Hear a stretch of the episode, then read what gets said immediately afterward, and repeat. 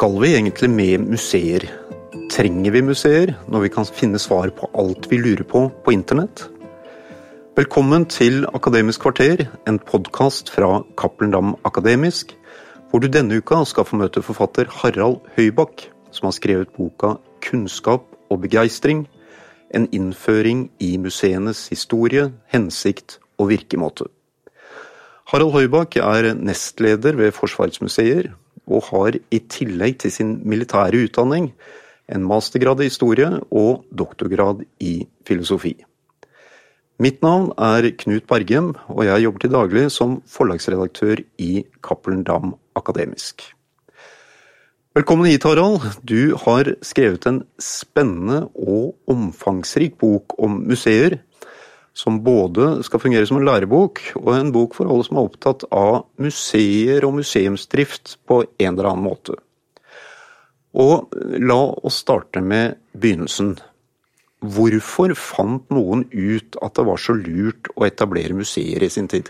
Museer har lange og dype historiske røtter, og det var primært to forhold de skulle dekke. Det ene var å fortelle oss noe om verden, men det var også å fortelle verden noe om oss. Ja, dette må du nesten utdype litt. Ja, den lengste historiske roten, kall det det, da. Eh, det var eh, museer à la Aristoteles, hvor du brukte da noe som ligner på dagens museer til å samle gjenstander og for å vite mer om verden. Den andre roten eh, har mer til felles med å si, gamle Roma, hvor man brukte gjenstander for å signalisere makt og autoritet, altså type showroom og oppvisning. Som etter store slag og i form av statuer og sånne ting? Ja. Men eh, opprinnelsen, den er altså da 1600-1700-tallet. Det er da vi får de første museene. Men siden den tid så er det jo veldig mye som har forandra seg. Har ikke i våre dager internett gjort museer overflødige? Jo, hvis man ser på museer kun som en eh, kunnskapsfabrikk og et sted å bevare etablert kunnskap, så er det klart at de elementene nok er mindre viktige nå enn det var før. Men museene har fått helt andre roller også. Blant annet så forventes nå at museene er aktive samfunnsaktører. På eh, hvilken måte da fremstår de som aktører? Jo, altså de skal ikke bare formidle og bevare kulturarv, men de skal, som det heter, gå i dialog med samfunnet rundt og opptre som aktive samfunnsaktører. Altså De skal være deltakere i debatten, de skal stå for noe, de skal kunne provosere noen, de skal delta i en eh, samfunnsdebatt, ikke bare konservere eksisterende kunnskap og kultur. Du kommer selv fra, fra Forsvaret og forsvarsmuseene. På hvilken måte framstår de som aktører i en pågående samfunnsdebatt? Eh, der vil jeg kanskje si at vi burde gjort det i enda større grad. Altså, De militære museene i Norge har eh, sitt utgangspunkt i såkalte modellkamre, som var et sted hvor man samla eksisterende kunnskap. Eh, og så har du noen islett av et sånt trofékammer, hvor man viser tidligere seire og skal kaste lys over makthaverne. Dessverre så har ikke Norge så mange lysende seire, så det er ikke så mye av den kategorien.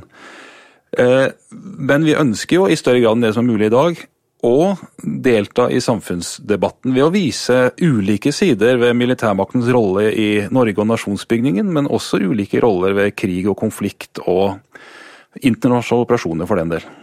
Ja.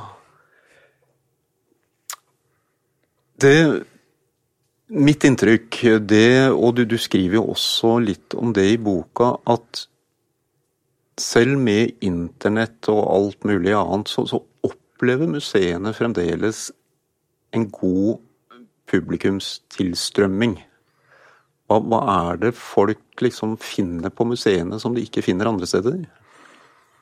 Ja, kanskje nå fremover så er det kanskje det fysiske eh, nærværet. Ikke bare til konkrete fysiske gjenstander, men også det fysiske nærværet med venner og familie, nærmiljøet.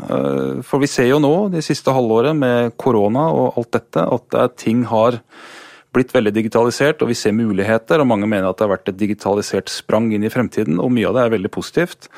Men uh, vi på museet frykter jo at uh, alt reduseres til det digitale. Og vi håper jo at uh, museet kan være en motvekt en gang i fremtiden.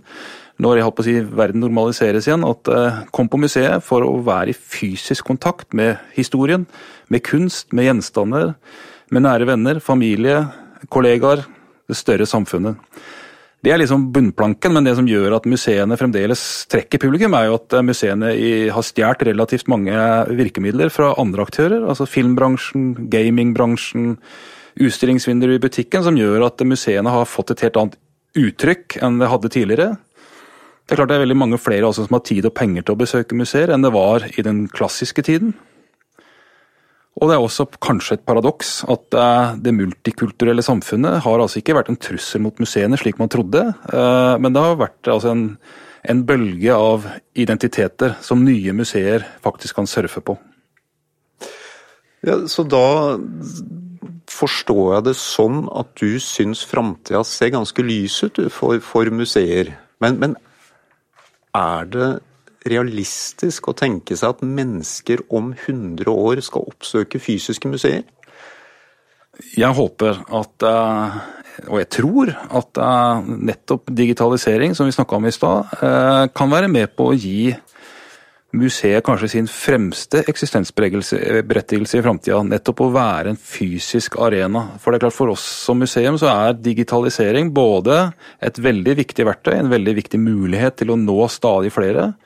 Men det er også en trussel i den forstand at man kan se at det er altfor dyrt og uhensiktsmessig å ta vare på tunge og dyre gjenstander, gjerne, eh, når alt kan reduseres til, eh, til eh, nuller og enere på det digitale nettet. Så jeg håper jo at vi også om 100 år vil ha museer, ikke nødvendigvis for å finne kunnskap der og se bilder der, eller hva det måtte være, for det kan vi kanskje gjøre like godt på, på nettet, men, men å møte andre mennesker, møte konkrete gjenstander, møte en historie i en fysisk forstand. Det elementet eh, må vi være forsiktige med å miste, tenker jeg. Men da kommer vi jo inn på, på dette med penger og økonomi. Uh, museum er dyrt.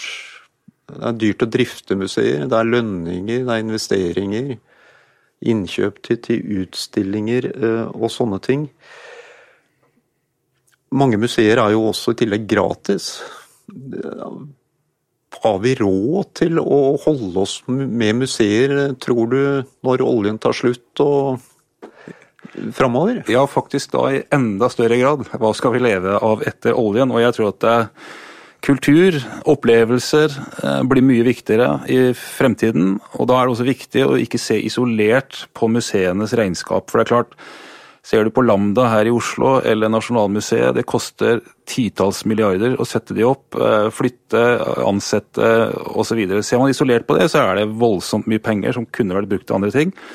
Men ser vi det litt bredere perspektiv, så tror jeg man tjener penger på museer. Eh, og det har jo folk regna på. Altså, hva er det Paris, Frankrike som nasjon tjener på at Louvre har ca. 10 millioner besøkende i året? Hva er det britene London tjener på at uh, hver tiende turist til Storbritannia legger veien innom British Museum? Jeg tror at museer kaster av seg veldig mye penger og aktivitet, som blir stadig viktigere etter hvert for oss i Norge, da, etter hvert som uh, fisk og olje, i hvert fall olje, blir mindre viktig.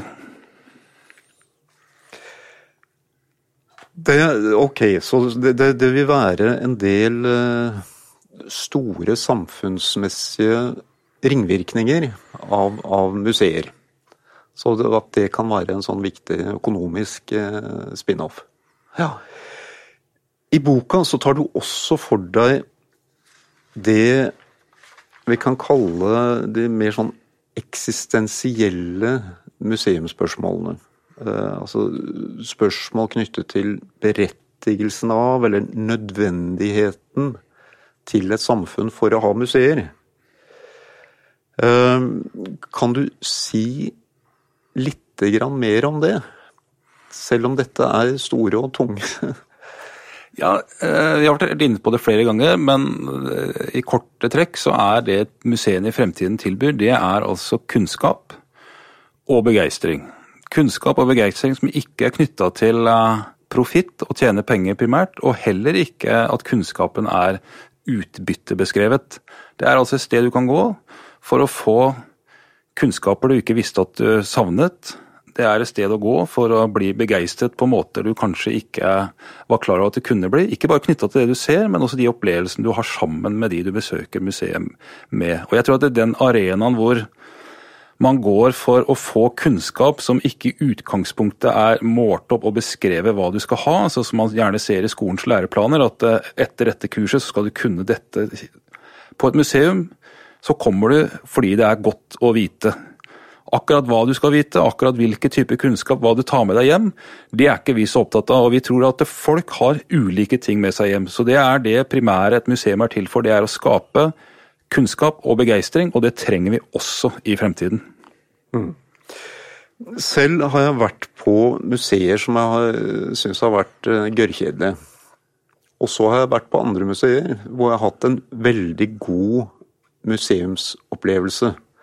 Hva er liksom nøkkelen til suksess for museer når det gjelder mer sånn praktiske utstillings, utstillingsmessige faktorer? Det er et godt spørsmål og et omfattende spørsmål. Eh, og jeg har jo flere kapitler i boka hvor jeg går inn og forklarer litt grunnprinsippene i, i, utstillinger, i omvisninger og hvordan man skal gå fram for å gjøre det spennende. Men kanskje noen hovedbudskap jeg har, er at eh, museene ikke må være for opptatt av å være dagsaktuelle og relevante. Faren med det er at man alltid da er litt uaktuell. Og da bruker jeg jo en metafor fra den kanadiske ishockeyspilleren Wayne Gretzky, som sa at eh, de fleste hockeyspillerne er altfor opptatt av hvor pucken har vært. Jeg er mest opptatt av hvor den kommer.